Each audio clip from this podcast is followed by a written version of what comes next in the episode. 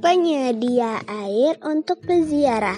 Kaum Quraisy mulai disegani masyarakat sejak kaum Khaza'ah menyerahkan kekuasaan di Mekah kepada kaum Quraisy yang dipimpin oleh Kusai dan Kusai bin Kilab dari kaum Quraisy ini lahirlah para pemimpin yang disegani salah satunya adalah Hashim bin Abdul Manaf, buyut Rasulullah SAW.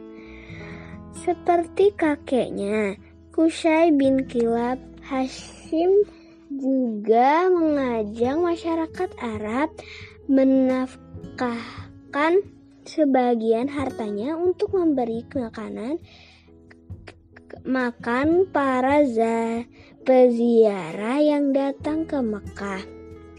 Salah satu jasa besar Hashim bagi masyarakat Arab adalah keberhasilannya membawa persediaan makanan pada musim kemarau yang luar biasa.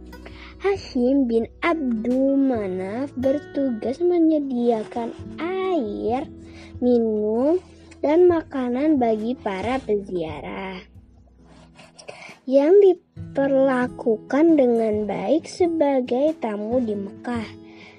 Selanjutnya, jabatan tersebut diterus-teruskan oleh saudaranya yang bernama Muthalib.